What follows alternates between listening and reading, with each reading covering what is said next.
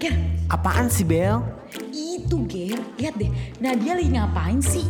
Eh iya tuh orang kenapa sih ngomong sendiri? Sarafnya kegeser kali ya? Ya udah, samperin aja.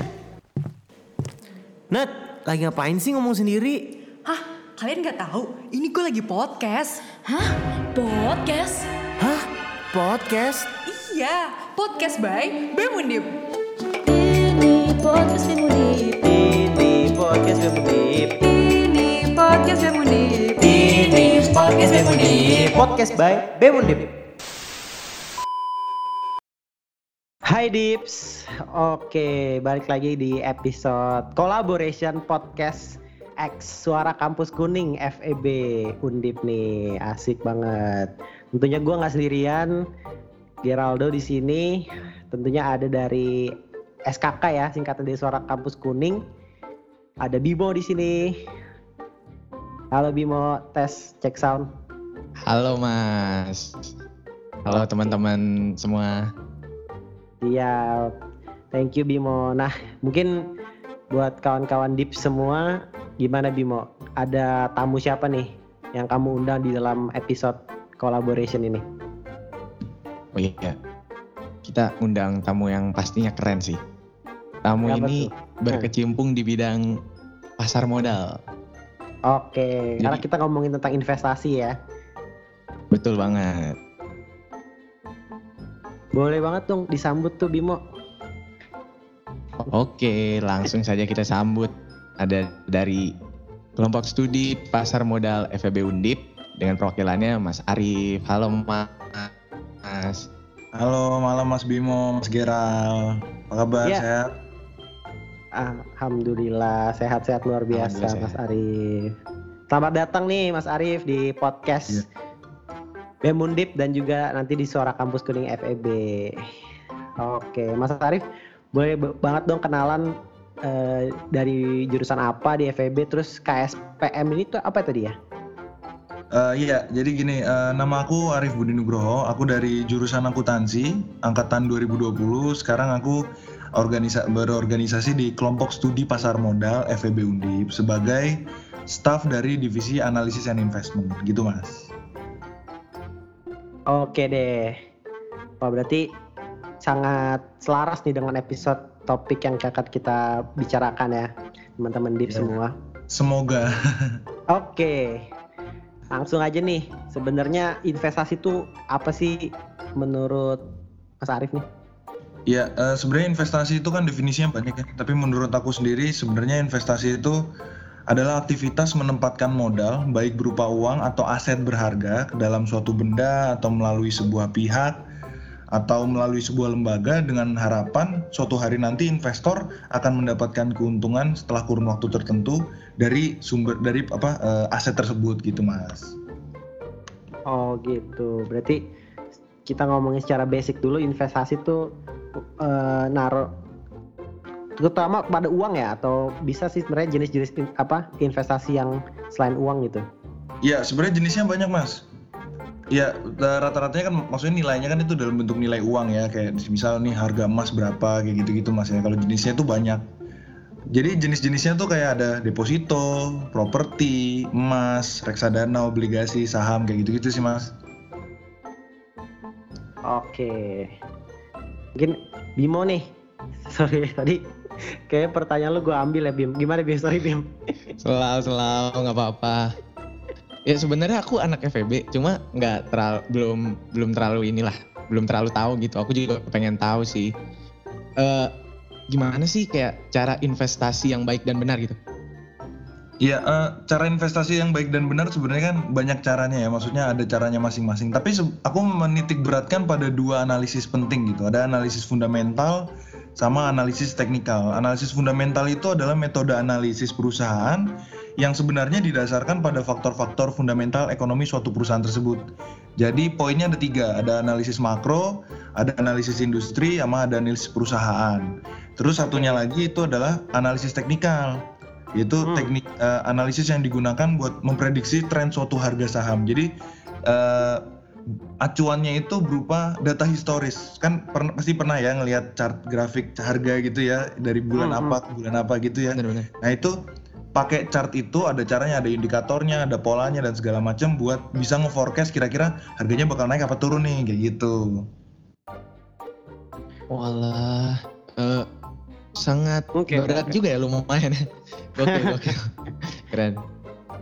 Eh, Mm-mm. apalagi nih ya? Mungkin kayak yang masih aku pengen tahu juga tuh platform buat berinvestasi tuh apa sih? Mungkin aku sekarang masih bingung kayak kadang-kadang ngelihat kayak iklan binomo itu sebenarnya investasi Iya. atau trading atau gimana tuh mas? Betul tuh Eh. di YouTube benar-benar.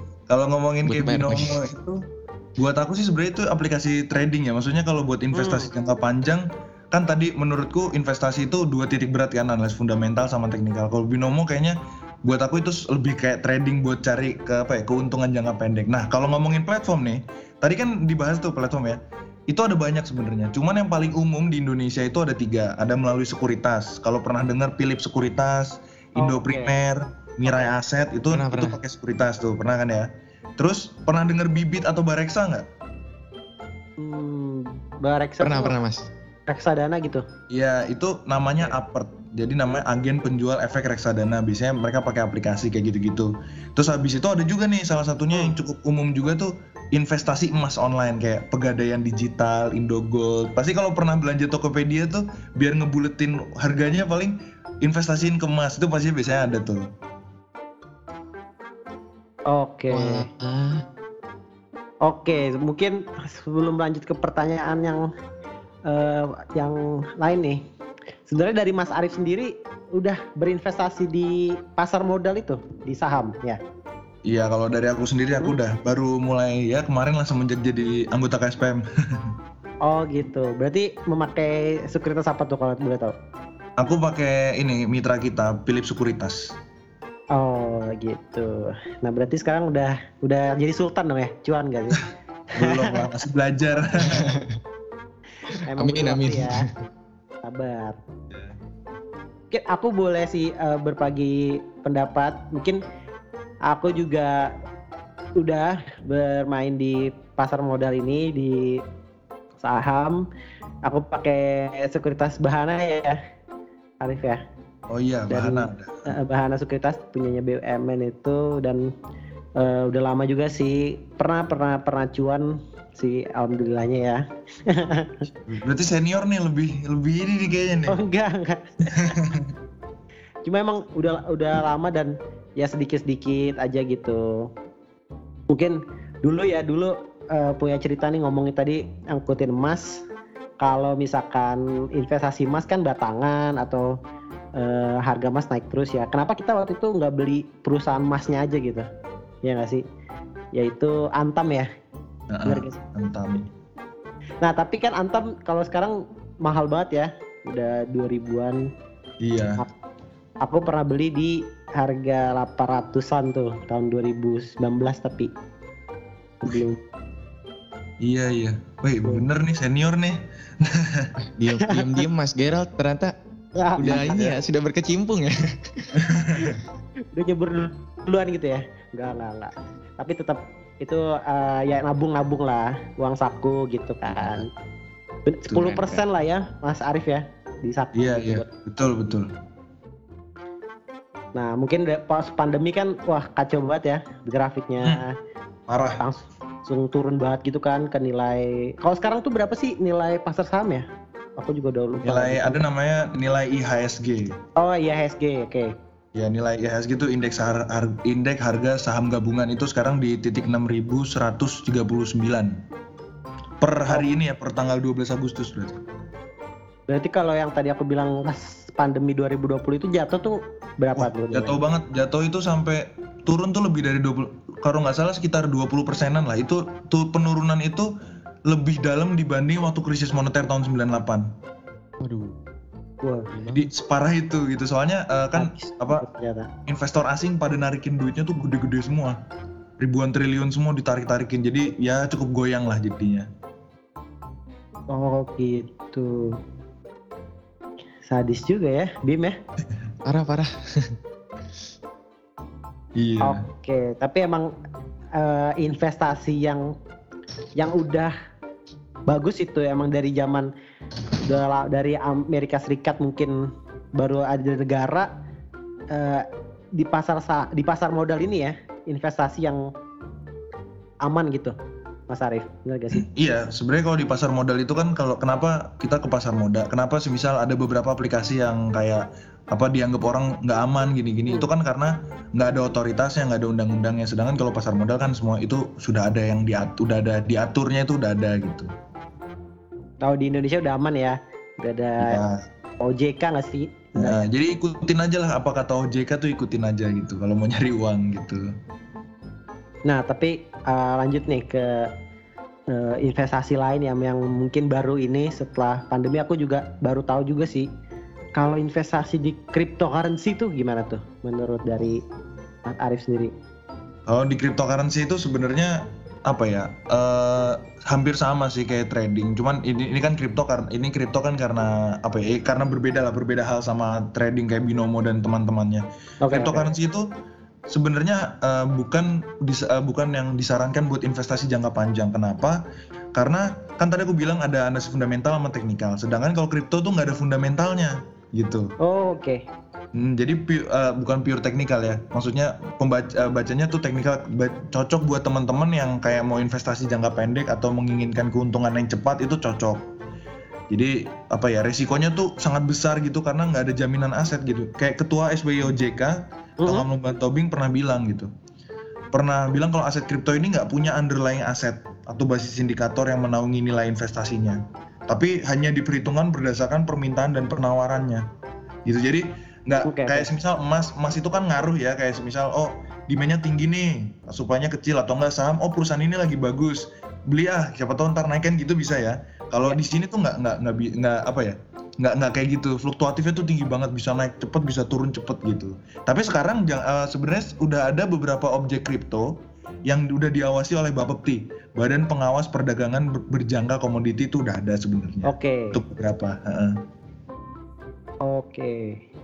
Ya, soalnya gara-gara Elon Musk ngomong eh, ini di Twitter gitu, tiba-tiba langsung jatuh kripto iya, ya iya kan? bener bener. Ya. Parah ya. Influencer tuh emang gokil banget ya pengaruhnya.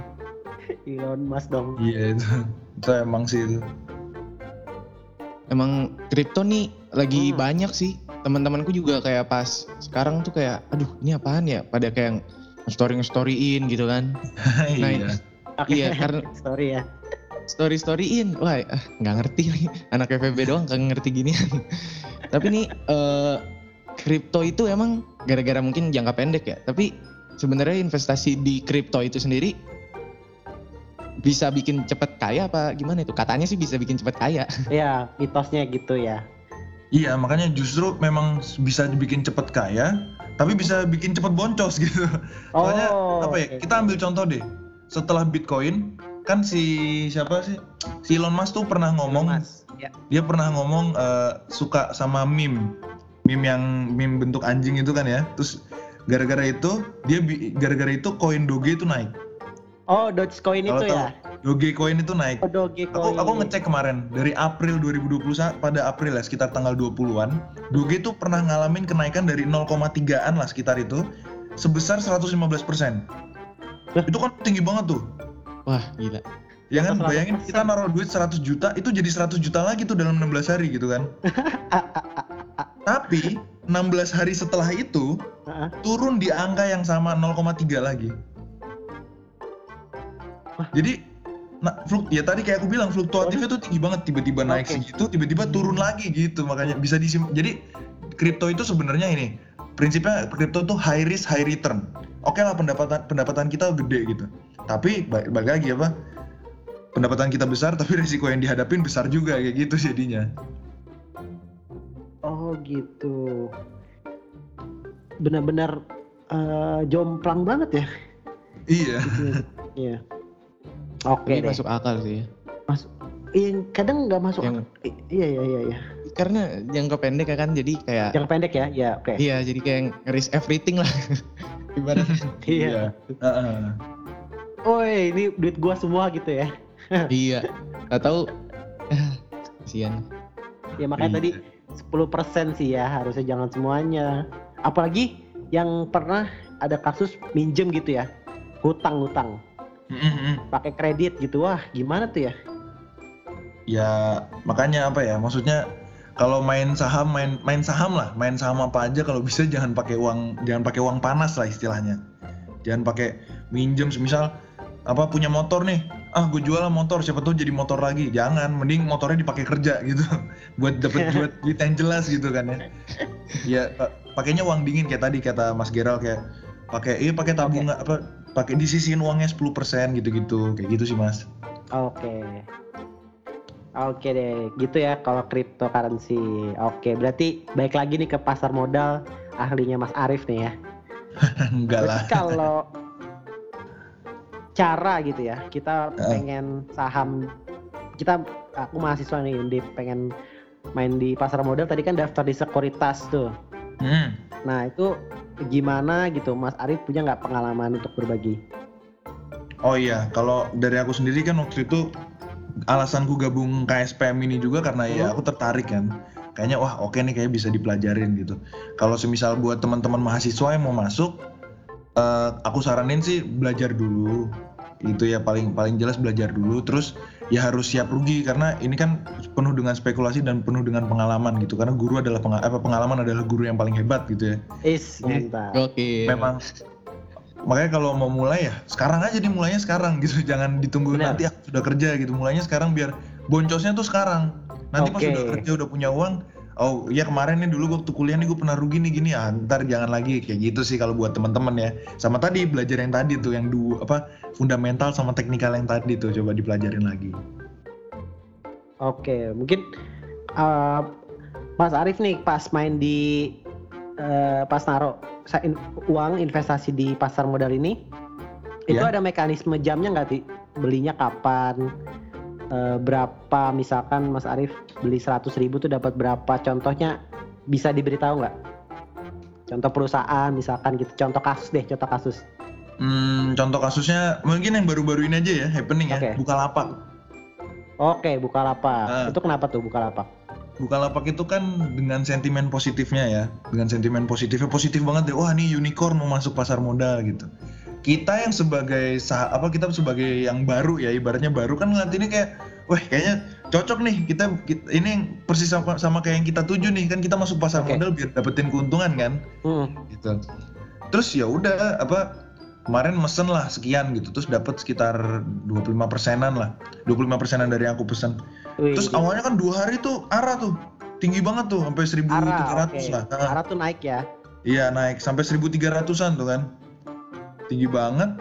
Terus baru eh, hari ini kalau kemarin aku terus habis itu pas dicek tiba-tiba loh kemarin ha- sehari sebelumnya kita tag ini turun ARB terus tadi aku cek katanya ARB juga. Ya udahlah akhirnya untungnya sempat kejual tuh waktu lagi harganya tinggi-tingginya tuh sempat kejual butuh sisain dikit buat ngecek. Itu kayak gitu-gitu yang bisa jadi pelajaran. Oke. gitu. Karena kalau semisal kita apa ya kita rakus ya semisal kita rakus gitu ya ha- hal hasil akan jadi seperti itu gitu kalau semisal. Makanya di kalau di bermain saham tuh kalau semisal buat tips buat mahasiswa pasar saham kan buka dari jam 9 sampai jam 3 ya teman-teman fokus aja di sekitar situ. Oke, dari jam 9 Ya, sampai nggak jam usah. 3. Iya stres stres gitu-gitu nggak usah lah. Pokoknya fokus aja di jam segitu. Terus kalau mau beli saham pikir sekali dua kalinya cek rasio keuangannya dan segala macamnya cek teknikalnya nih lagi bagus apa enggak. Itu kayak gitu.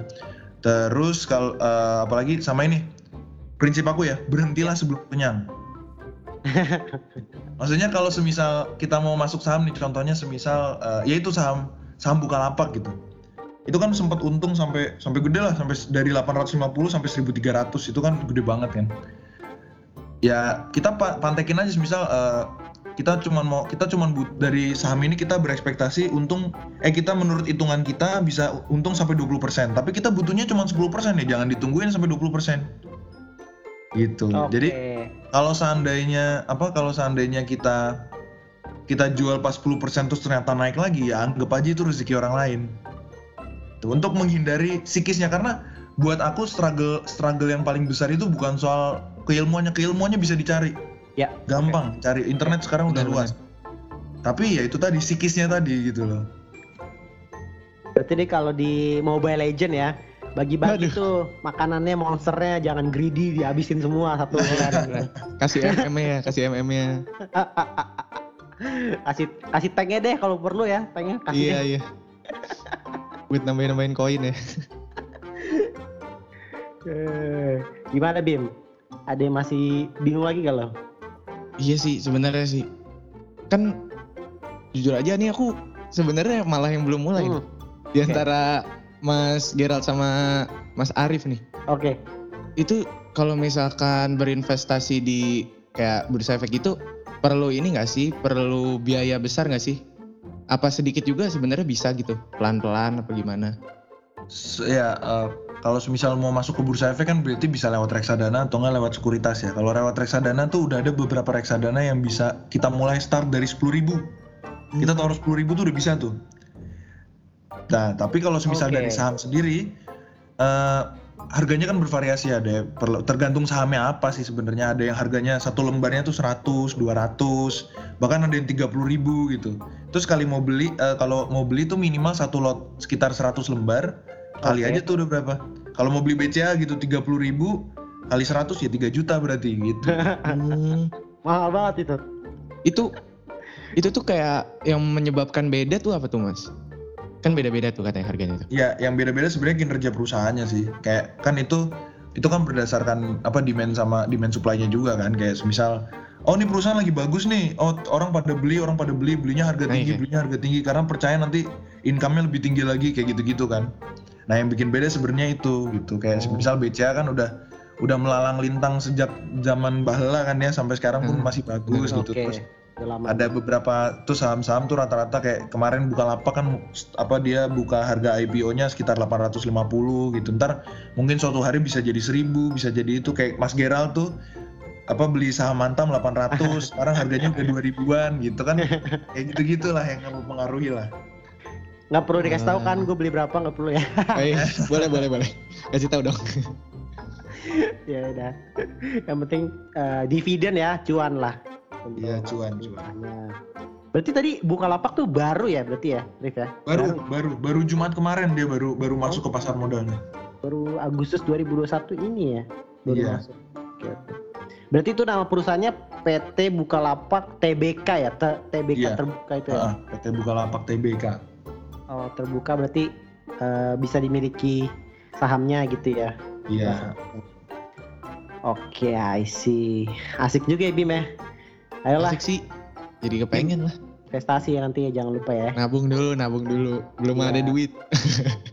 Kayak Bimo gue liat-liat eh, anak sepeda banget ya. Ya nggak sih Bim? Wah, enggak. Oh enggak, anak motor, anak motor apa? Enggak juga. Anak rumah. anak lu atau anak ini eh, playboy ya lo ya? Wah, enggak dong. Wah. Jangan sampai dah. Oke, Mas Arif nih mungkin eh, teman-teman Dips pengen daftar itu bingung nih eh, kalau ke sekuritas tadi kayak Mas Arif sendiri sekuritas itu syaratnya mudah nggak sih daftarnya atau gimana gitu? Ini kita nggak promosi sekuritasnya Mas Arif, cuma pengalamannya eh, Mas Arif ini nih. Iya iya. Eh, kalau pengalamanku sebenarnya mudah mudah. Oke. Eh, ini kayaknya hampir semua sekuritas kayaknya sama sih. Pada intinya butuh KTP, terus buku rekening karena kan mau dibukain rekening sekuritas, rekening di sana ya buat rekening investasinya kan. Oke, rekening Terus- bank ya tetap ya. Eh, yang kayak semisal kalau kita mau investasi ya apa transfernya ke rekening itu gitu kan, karena mau digituin. Hmm. Terus ada beberapa juga yang minta kartu keluarga juga ada. Terus biasanya kalau kalau aku kan daftarnya lewat HP nih biar gampang gitu, karena udah banyak juga sih sebenarnya ke Indo Primer. Eh, Oke. uh, Philip Sekuritas itu kan mereka udah pakai udah bisa online gitu. Biasanya foto selfie pakai KTP biasanya. Ya, biar apa? Biar validasi aja gitu. Terus kalau uh, ya udah sih itu aja bisa ditanyain kayak semisal ibunya kerja apa, bapaknya kerja apa, sekarang pekerjaannya masnya apa itu bisa ditanyain di situ. Gitu sih. Kalau NPWP on Ya, op- opsional. Opis- Oh, opsional. opsional. Kayak, uh, tapi kalau misal teman-teman udah kerja kan pasti punya kartu NPWP kan. Nah, itu itu harus wajib itu. Kalau kita yang masih 17 sampai 20 tahun 20 Iya. tahun ya nggak nggak perlu lah, masih belum nggak apa-apa gitu. Oh nggak apa-apa berarti eh, masuknya ke penghasilannya orang tua ya bantunya gitu ya. Kalau itu aku kurang tahu sih sebenarnya. Oke. Nggak- Berarti tadi- juga ya sebenarnya. Eh, Mas Arif berarti megang berapa nih sekuritas ngikutnya nih? Lebih dari satu tuh kayaknya. Nggak, sekarang aku makanya udah cuman Philip aja. Soalnya Philip Oke, soalnya eh, kalau di KSPM itu karena kita berafiliasinya sama mereka saat ini ya. Jadi Oke. seringnya ba- belajar dan bahasnya itu pakai itu makanya sekarang lebih ke sana ke sana dulu gitu. Sebenarnya sama sih sekuritas pada intinya kok. Oke. Gimana tuh Bim? Menurut lo ribet gak tuh? Enggak lah. Enggak sih, enggak. Mana bisa Enggak. online kan? Online Betul. tuh nggak ribet sih. Gak perlu datang gitu-gitu ya. Katanya mau jadi cepet kaya, tapi nggak niat gitu buat kaya Oh, gimana? iya. mau mau niat. Eh, Aduh, ini habis habis ini nih. berusaha habis, dong. Iya benar-benar. Habis dengerin apa ya? Tadi ocehan-ocehan dari Mas Gerald dan Mas Arif nih langsung tertarik sih, langsung kepengen sih, langsung nabung nih besok. Udah nggak jajan, udah langsung nabung buat invest. Ya, jangan Bagus bayar pacar, bagus. jangan bayar pacar terus. Eh, Nggak nggak punya cewek mas. ya di mimpi lo maksudnya. Oh iya siap siap. Oke, eh, mungkin ada mungkin pesan gitu ya mas ya. Pesan untuk teman-teman pendengar nih, buat teman-teman Dips ya. Eh, investasi aman dan gak rugi itu apa tuh?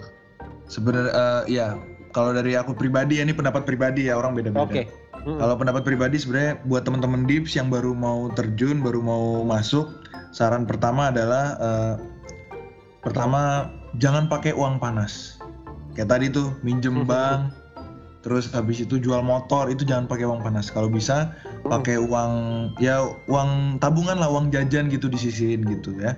Terus yang kedua pelajari, pelajarinya itu apa? Tadi tuh yang fundamental sama teknikal. Biar teman-teman tuh tahu apa yang teman-teman beli, teman-teman tahu apa yang akan terjadi dari apa yang teman-teman beli kayak gitu-gitu. Terus yang terakhir dibutuhkan kebijaksanaannya. Teman butuh apa? Eh, kalian teman-teman ini butuh apa nih sebenarnya Hmm. gitu. Kalau misal teman-teman eh, apa ya, resikonya rendah gitu, misal teman-teman masih orang tuanya masih mencakupi segala macam ya boleh lah teman-teman mainnya rada lebih agresif itu boleh. Tapi kalau teman-teman buat nyari ke apa income yang pasti ya yaudah mainnya cukup apa dibatasin aja ntar lama-lama ningkat kalau udah mulai konsisten kayak gitulah itu inti itu closing statement dari aku sih Oke, berarti pasang tujuannya mau ngapain nih investasi gitu ya. betul Ya. betul bang Bener bener bener. Dan juga jangan greedy tadi ya. Itu tuh. Jangan Wah, iya. jangan jangan ngepush terus ya.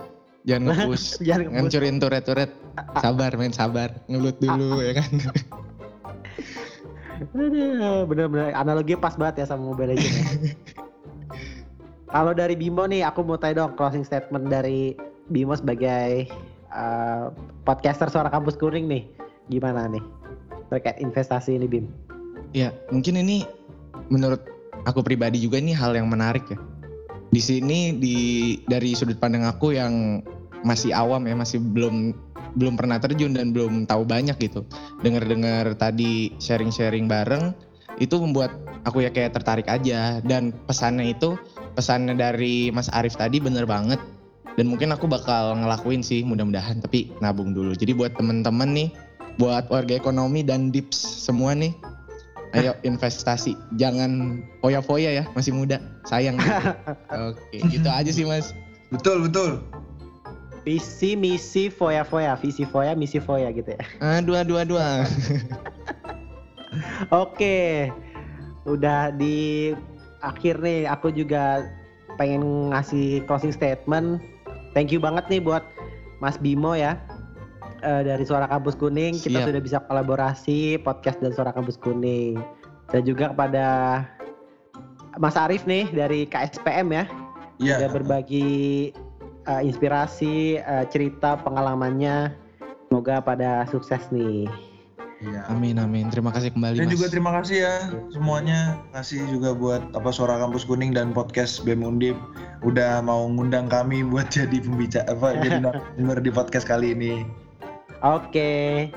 Nah, Dips itu tuh dari KSPM dan Suara Kampus Kuning di episode collaboration podcast X Suara Kampus Kuning FEB Undip. Thank you banget ya Dips.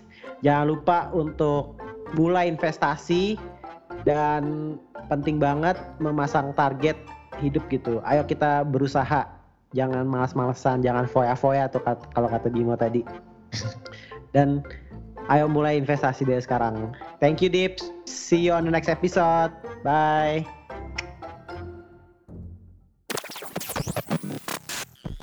Ger, Bel, balik yuk dicariin mama. Oh iya, yuk bubar-bubar. Oke Dips, see you in the next episode of Podcast by BEM Undi. Aku masih di sini. Ayo pulang.